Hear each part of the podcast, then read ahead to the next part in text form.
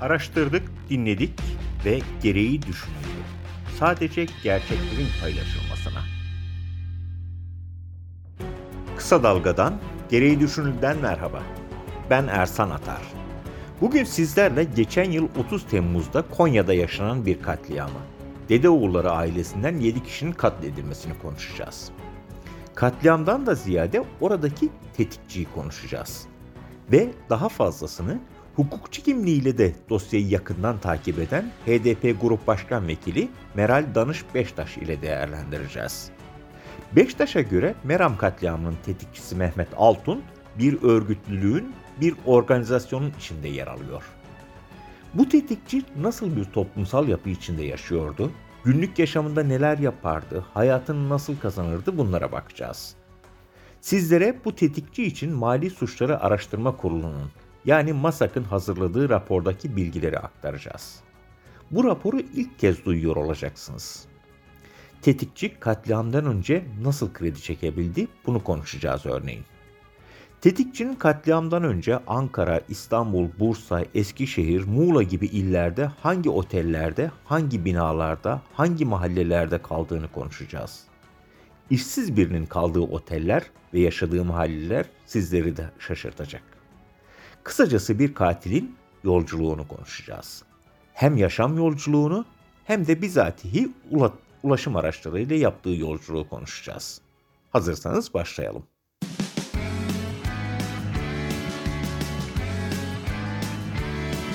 Kulağınız bizde olsun. Kısa Dalga Podcast. Danıştay saldırısını hatırlarsınız. Hatırlamayanlar için kısa bir bilgi. Saldırı 17 Mayıs 2006'da gerçekleşti. Alparslan Arslan isimli bir avukat Danıştay 2. Dairesi müzakeredeyken salona girdi, elindeki silahı heyete doğrulttu ve ateş etmeye başladı. Daire üyesi Mustafa Yücel Özbilgin öldü. Daire Başkanı Mustafa Birden ile birlikte 4 üye de yaralandı. Hrant Dink'in katledilmesini hatırlarsınız. O gün Samas isimli kullanışlı bir katil Trabzon'dan çıktı, İstanbul'a geldi Hrant Dink'i 19 Ocak 2007'de Agos gazetesi önünde öldürdü. Konumuz Konya Meram'daki Kürt kökenli Dedeoğulları ailesinin katledilmesi ise bu iki olayla niye başladık diyeceksiniz. Girişte de söylediğimiz gibi bugün sizinle Dedeoğulları katliamından ziyade katliamdaki tetikçiyi Mehmet Altun'u konuşacağız. Bu kişi için yaptığımız araştırma Danıştay saldırısındaki Alparslan Arslan'ı Hrant Dink'in görünen katili o gün Samas'ta hatırlattı. Benzerliklerini sizlerle yayın akışı içinde paylaşacağız. Tetikçi Mehmet Altun'un profilini elbette gerçekleştirdiği saldırı nedeniyle konuşuyoruz. Öyleyse önce olayı ve açılan davayı hatırlayalım. Katliam geçen yıl 30 Temmuz'da Konya'nın Meram ilçesi Bahçeşehir mahallesinde yaşandı. Kiralık bir otomobil Enbiya sokağa girdi Dede oğulların evinin önünde durdu. İçinden 33 yaşında biri çıktı. Dede oğulların aile bireyleri onu gördü ama yüzünü pandemi nedeniyle taktığı cerri, cerrahi maskede kapattığı için tanıyamadı. Yoksa bildikleri biriydi. Katil evde bulunanlara Meram Belediyesi'nden geliyorum. Bütün aile burada mı? diye sordu. Soğukkanlıydı. Onu karşılayan dede oğulları ailesinin bireyleri ne yapacaksın Barış dışarıda 5 dakika sonra gelir dediler. Katil, bütün aile burada olsun o zaman açıklarım deyip kiralık arabasına geri döndü. 10 dakika sonra tekrar evin bulunduğu yere geldi. O arada Barış da gelmişti. Böylelikle katilin hepsini birlikte yok etme planı için zemin hazırdı. Katilin elinde mavi renkli bir dosya, diğer elinde de poşet ve içinde dolu bir silah, cebinde de yedek şarjörü vardı. Yani onlarca mermi. Katil daha sonra savcıya anlattığı senaryoya göre oraya sulh anlaşması yapmaya gitmişti. Dosyada bu anlaşmanın metni vardı. Dedeoğulları bunu imzalayacak ve daha birkaç ay önce yaralamalı kavgaya varan Türklük-Kürtlük husumeti bitiverecekti. Senaryo bu ya. Katil silahı poşetten çıkardı ve bahçede topladığı kurbanlarına doğrulttu. Kurbanlarını küme halinde topladı. Kendisi de bir sandalyeye oturdu ve iddiasına göre aileyi sulhe ikna etmeye çalışıyordu. Aslında birazdan gerçekleştireceği katliamın psikolojik hazırlığını yapıyordu. Katil silahını ateşlemeye başladı. Aile birinin altı bireyi orada yere düştü.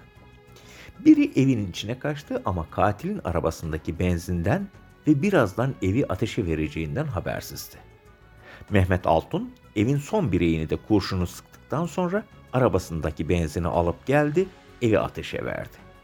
Ve katil bir süre evin yanışını izledi. Buz gibi bir ifadeyle. Şimdi sırası gelmişken başlangıçta Danıştay saldırısı ve Hrant Dink'in öldürülmesindeki tetikçilerden neden söz ettik onları bir ara söz olarak aktaralım. Özellikle Danıştay saldırısından sonra hep şu soru sorulmuştu. Bir katil karşısında duran bir kişiyi, grubu göz göze gelerek öldürmek için nasıl bir ruh hali içinde olmalı? Bunu yapabilmek fiziken ve moral olarak ne kadar zordur? Bunun için eğitim alınması gerekir mi? Suç psikolojisi üzerinde kafa yoranlar o zamanlar bu soruya bunun için en azından moral bir kodlama yapılması ve eğitim alınması gerekir. Aksi halde bu mümkün değildir diyerek cevap veriyorlardı. Bugünkü olayımıza baktığımızda da Mehmet Altun'un en az Danıştay saldırısındaki tetikçi Alparslan Arslan kadar, Hrant Dink'in katili o gün Samas kadar soğukkanlı olduğunu görüyorduk.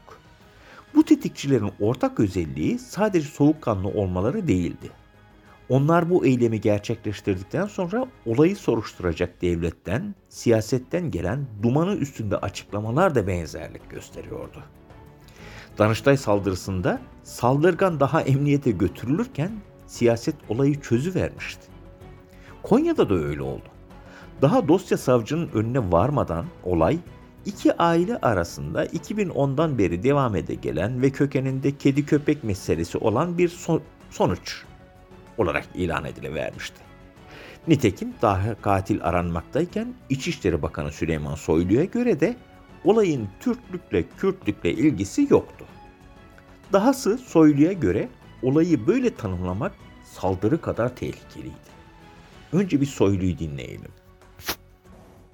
Olayı gerçekleştiren tek kişi şahsta tespit ettik. 2010 yılında başlayan bir husumetin devamı. Yaklaşık 11 yıllık bir husumet.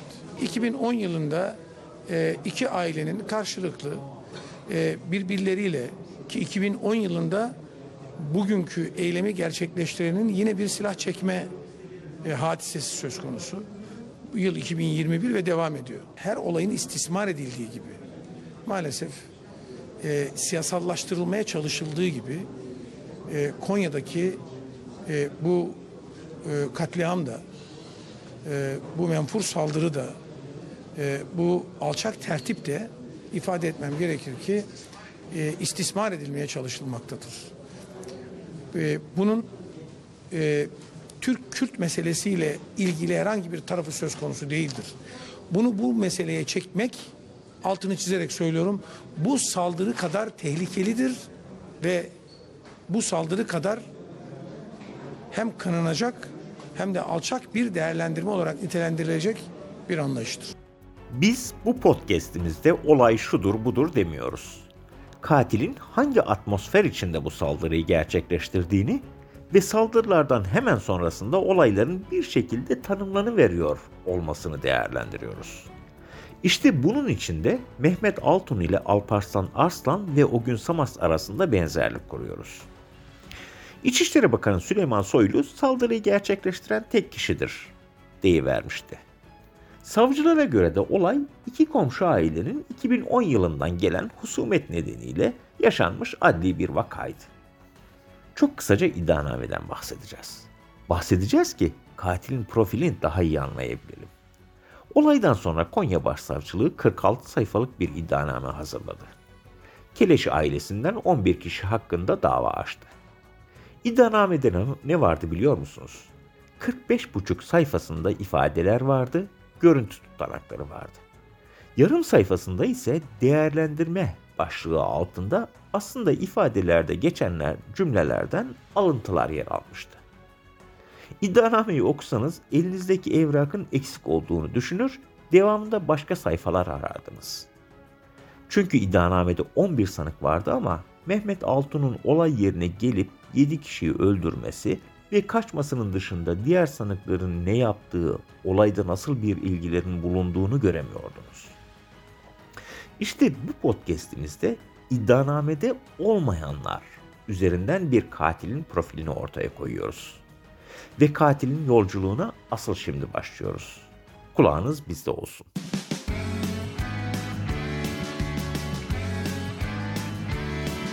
Kulağınız bizde olsun. Kısa Dalga Podcast. Meram katliamında tetiği çeken Mehmet Altun'u, yaşam yolculuğunu ve fiziken yaptığı yolculukları anlatacağız. Hakkındaki masak raporun detaylarını sizlerle paylaşacağız. Ama önce gelin bu tetikçiyi davayla avukat yönüyle de yakından ilgilenen HDP Grup Başkan Vekili Meral Danış Beştaş'tan dinleyelim. Hem böylelikle kimi konuştuğumuzu daha iyi tahlil ederiz. Söz önce Meral Danış Beştaş'ta. Dinleyelim. Mehmet Altun'u hani diğer tetikçilerden ya da hani e, Onur Gencer mesela Deniz Poyraz'ın katili, tetikçisi ya da Hrant Dink cinayetindeki e, şahıslar vesaire hani genel olarak aslında bir tahlil yapmak gerekirse e, bunların arkasında bir güç olmadan e, böyle bir cinayete girişemeyeceklerini görebiliriz. Yani hem maddi açıdan hem yaşadıkları ortam hem de geleceklerinin güvensiz olması sebebiyle e, şimdi milliyetçilik ya da ırkçılık ya da ülkücülük e, maalesef farklı demografik yapılarda ve toplumsal e, hani katmanlarda değişik şekillerde ortaya çıkabiliyor. Ama maalesef şöyle bir realite de var.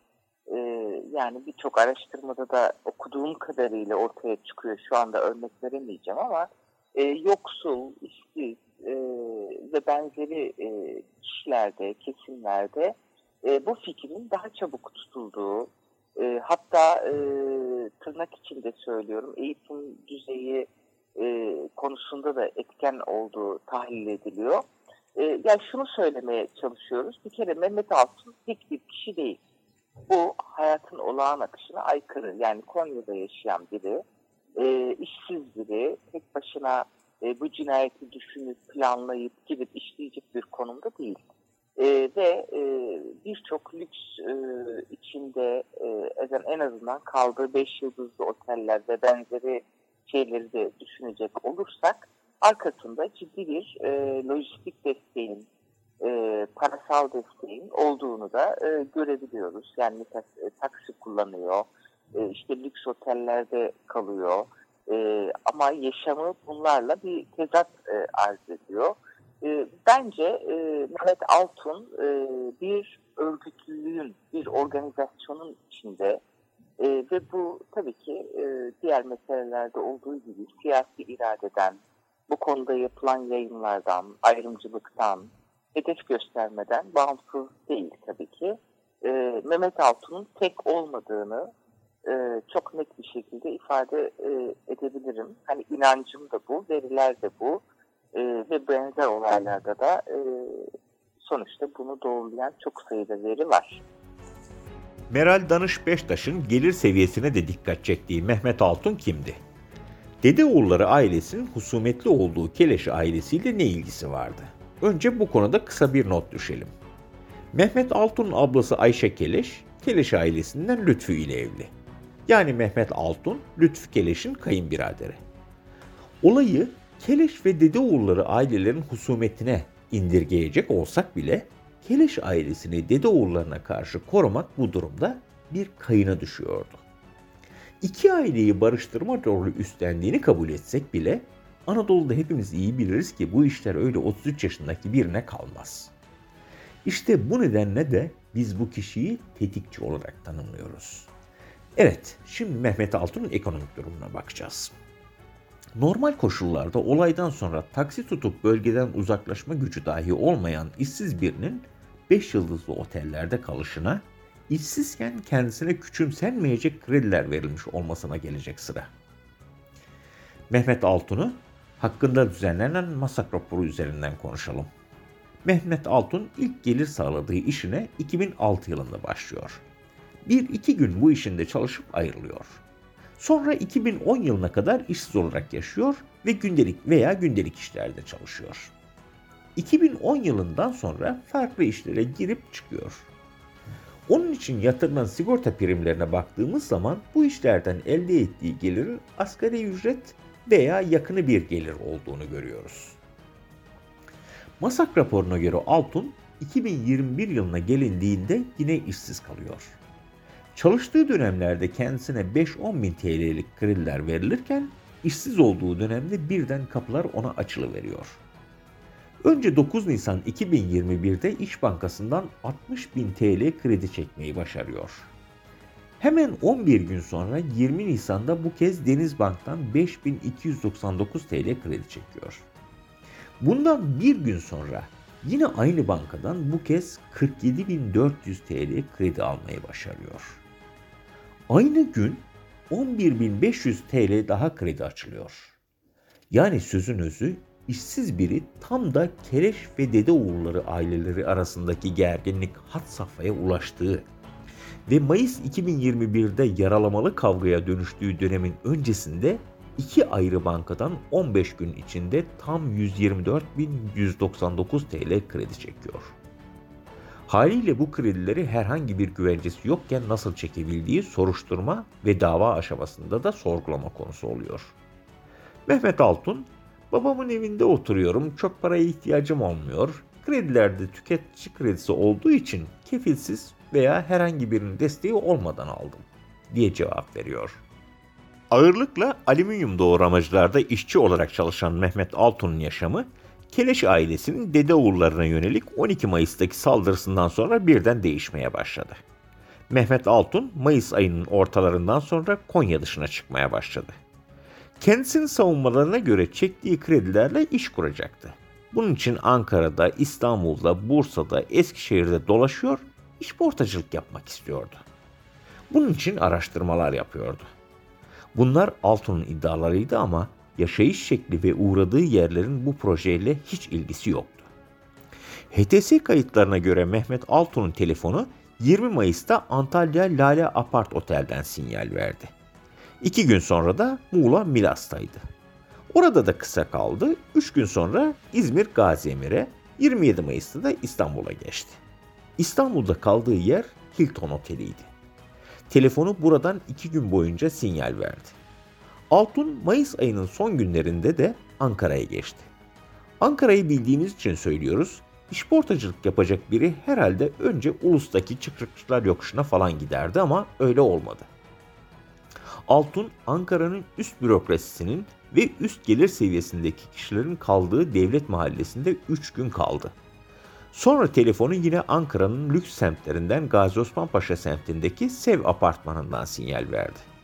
Burada da iki gün bulunan Altun oradan arada Eskişehir Sivrihisar'a gitti geldi. 8 Haziran'da tekrar Ankara'ya döndü. Bu sefer yeri yurdu daha belliydi. Kavaklıdere semtindeki Büklüm Sokak'ta Gordion Oteli'nde misafirdi. Mehmet Altun 10 Haziran'dan sonra 10 gün kadar Konya tarafına döndü. Karatay Selçuklu buralardaydı. Konaklama yerlerinden biri de örneğin Selçuklu'daki Dündar Otel'di. Ankara'ya dönünce tekrar Ankara'daki adreslerinden biri olan Gordion Otel'e geçti. 23 Haziran'da yine yola çıktı. Önce Eskişehir'e uğradı. Yeri Rixos Otel'di. Oradan Bursa'ya ardından İstanbul'a geçti. Bu geçişlerin hepsinin ar- arasında ikişer üçer gün düşünün. Sizi tarihlerle sıkmamak için arada sırada tarihlere ilişkin bilgi veriyoruz. 29 Haziran'da tekrar Ankara'ya Gordion'a geldi. Oradan Konya'ya geçti. Tekrar Ankara'ya Devlet Mahallesi'ne döndü. Bu kez daha lüks takılacaktı. Adresi Söğüt Özü'ndeki Mövenbik Otel'di. Bundan sonra da Konya'ya, İzmir'e gitti geldi ama bundan sonra Ankara'daki adresi hep Gordion yerine Mövenbik Otel oluyordu. Şimdi bunca listeyi neden yaptık? Bu otel isimleri ve bazıları uçakla yapılan yolculuklar öyle 100 bin lira kredi çektim, gezdim diye açıklanacak oteller değildi. Bizim için asıl önemli olansa savcı bunların hiçbirini Mehmet Altun'a sormadı. Dahası iddianamede bu HTS kayıtlarından veya seyahatlerden hiç bahsedilmedi. HTS kayıtlarında başka bir ilginçlik daha vardı. Mehmet Altun örneğin eşiyle iki gün hiç konuşmuyor, O iki günün sonunda örneğin birkaç dakika içinde peş peşe eşiyle konuşuyordu. Ve daha da ilginci Mehmet Altun'un bir değil iki telefon numarası vardı. Ve soruşturma dosyasında 532'li telefonuna ilişkin hiçbir kayıt yoktu. Bununla kimlerle konuşur, o numara nereden sinyal verirdi meçhul kaldı. Telefon demişken unutmayalım. Tetikçi temkinli adamdı. 17 Temmuz'da telefonunu bir kez resetlemişti. Bu tarihte Konya Selçuklu'daydı. Sonra 30 Temmuz'daki olaydan 5-10 dakika sonra bu resetleme işlemini tekrar yaptı ve bu işlemi kiralık otomobilde 170 kilometre hızla Konya Bozkır'a doğru giderken gerçekleştirdi. Savcı telefonunu niye resetlediğini de zaten iddianameye eklemedi. Savcılığa göre olay olmuş, aydınlanmıştı. Ötesi yoktu. Bize göre ötesine gitmeye niyet de yoktu. Şimdiye kadar tetikçinin psikolojik yapısını ifade etmeye çalıştık. Ekonomik yaşamını masak raporuyla ortaya koyduk. Araştırılmayan yolculuklarını anlattık. Peki tetikçi nasıl bir atmosferde yaşıyordu? Yaşadığı evreni de tartışmamız gerekir. Bunu bir portre çalışması yapan ressamın arka planı da yansıtması gibi düşünün. Tetikçinin yaşadığı atmosferi bize anlatmayalım. HDP Grup Başkan Vekili Meral Danış Beştaş anlatsın. Aslında Beştaş'a sorumuz Konya Meram'daki saldırının ırkçı sahiplerle işlendiğini iddia ettiniz. Sizi bu sonuca götüren neydi? şeklindeydi. Beştaş'ın cevabı tetikçi Mehmet Altun'un yaşadığı toplumsal ve siyasi atmosferi de özetliyor. Dinleyelim. Bu sonuca nasıl varıyoruz? Bir, e, Kürt düşmanlığının geldiği aşama. Yani şu anda e, Türklere karşı açık bir e, adı konulmamış bir e, savaş var diyeceğim ama hani bunu bildiğimiz anlamda bir savaş olarak algılamayın lütfen. E, söylemsel olarak, siyasi olarak e, kendi kimliğini ifade etmek isteyen, talep eden, e, Türklüğünü yaşamak isteyen, e, Kürt meselesinin çözümünü isteyen insanların tamamı bir kere terörize ediliyor, terörist ilan ediliyor e, ve benzeri. Bu konuda özellikle AKP ve MHP bloku e, bunu çok çok çok yüksek bir noktaya taşıdılar. Ve onları dinleyen herhangi bir Türkiye yurttaşı, bu Türk de olabilir, e, Çerkez de olabilir, başka bir kimlikte de olabilir, Türklere karşı bir öfke duyuyor, bir nefret duyuyor.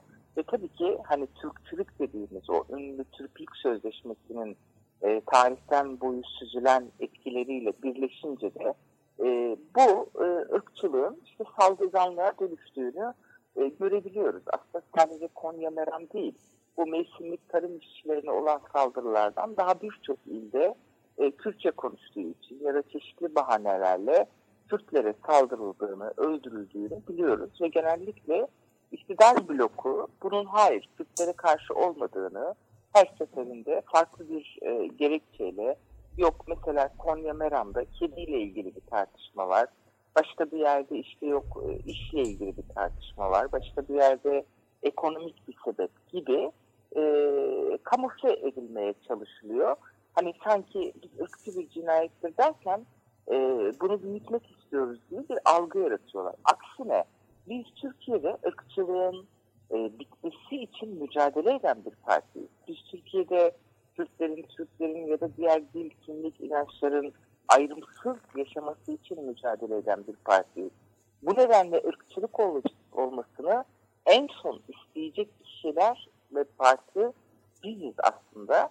Fakat bu sorunun çözümünü adını koymadan e, çözümünün mümkün olmadığına inanıyoruz. Yani bir mesele neyse önce yüzleşmek gerekiyor. Hakikat e, temelinde yaklaşmak gerekiyor. Irkçılık değildir ya da ırkçı yaklaşımına sahiple işlenmemiştir dediğimiz anda gerçek ortadan kaybolmuyor. E, Meram'la ilgili de bunu söylemeye çalıştım. Yani keşke böyle olmasaydı. Ama maalesef durum bu.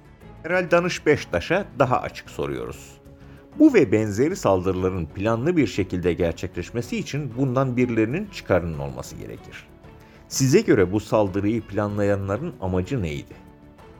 Beştaş, ırkçılığın yükseldiğine ve buna hep birlikte engel olunması gerektiğine işaret ediyor ve sorumuzu şöyle yanıtlıyor. Özgün olarak bu meseleye yoğunlaşırsak Mesela Barış Dedeoğlu bu 12 Mayıs saldırısından sonra ifade veriyor hatırladığım kadarıyla. Ve diyor ki orada yaşayan tek Kürt aileyiz. Ve e, işte 15 yılı aşkın bir süredir bizim de e, zaman zaman komşularımız, akrabaları e, bize sataşıyorlar, işte bize saldırıyorlar ve diyorlar ki burada Kürtleri barındırmayacağız. İşte bu saldırıyı da böyle e, zaten geliyorlar, saldırıyorlar. Bu özel olay için söylüyorum, Meram için. Ve e, buradan şunu anlıyoruz bu özgün olay için. Türkler, oradaki komşular her neyse, Kürtleri e, orada yaşama hakkı olmayan yurttaşlar olarak görüyorlar. Sanki dışarıdan bir yabancılar gelmiş, kendi topraklarına, işte kendi illerinde, ilçelerinde, köylerinde ne dersek diyelim, e, kendi e, hani o vardı bir eski dille rızkını yani hakkını na el koyacak insanlar olarak görüyor. Bunun kökeninde de yani e, biz e, Türkler olarak bu ülkenin sahibiyiz. Türkler misafir yani gitsinler kendi bölgelerinde yaşasınlar gibi bir arka plan olduğu kanaatindeyim sosyolojik olarak en azından. Bunu farklı olaylarda da e, görebiliyoruz. Yani farklı değerlendirmelerde çok örneği var. E, Konya'nın geneline ilişkinde e, yani e, bildiğim kadarıyla hani Konya'da yaşamadım ama okumalarımızdan ve yansıyanlardan bütün Konya'ya yayılmadan ziyade belirli bölgelerde yoğunlaşmış Kürt nüfus var. Ee, orada bir arada oldukları için belki bu saldırılar çok olmuyor. Ama bir iki ailenin, birkaç ailenin başka bir yerde tamamen Türkler arasında olması işte bu e, meseleye onları çıkaralım, rahat edelim, burada yaşama hakları yok gibi ya tam da ırkçı bir sahiple e, yaklaşım oluyor. Ama totalde de e, Türklere yaklaşımda e, maalesef böyle bir e, olgu var. Sosyolojik olarak da var. Bugün sizlerle Konya Meram'da geçen yıl 30 Temmuz'da yaşanan bir katliamdaki tetikçiyi konuşmaya çalıştık. Altını çizerek söyleyelim. Olayın kendisi değildi konumuz. Öyle olsaydı tetikçinin eşinin yargıdan nasıl saklandığını da anlatırdık. Sanıkların oluşturdukları WhatsApp gruplarında yazılanlar da cezaevi görüşmelerinde geçen Kürtler uslandı mı sözleri de konumuz olurdu. Biz fotoğrafı çekerken odak noktamız tetikçi Mehmet Altun'du. Geri düşünülden bu haftalık bu kadar. Bir sonraki pazar günü görüşmek üzere. Hoşçakalın. Kısa Dalga podcastleri Demet Bilge Erkasab'ın editörlüğünde Mehmet Özgür Candan'ın post prodüksiyonu ve Esra Baydemir'in hazırladığı görseller ile yayınlanıyor. Kısa Dalga'ya destek vermek için Patreon sayfamızı ziyaret edebilirsiniz.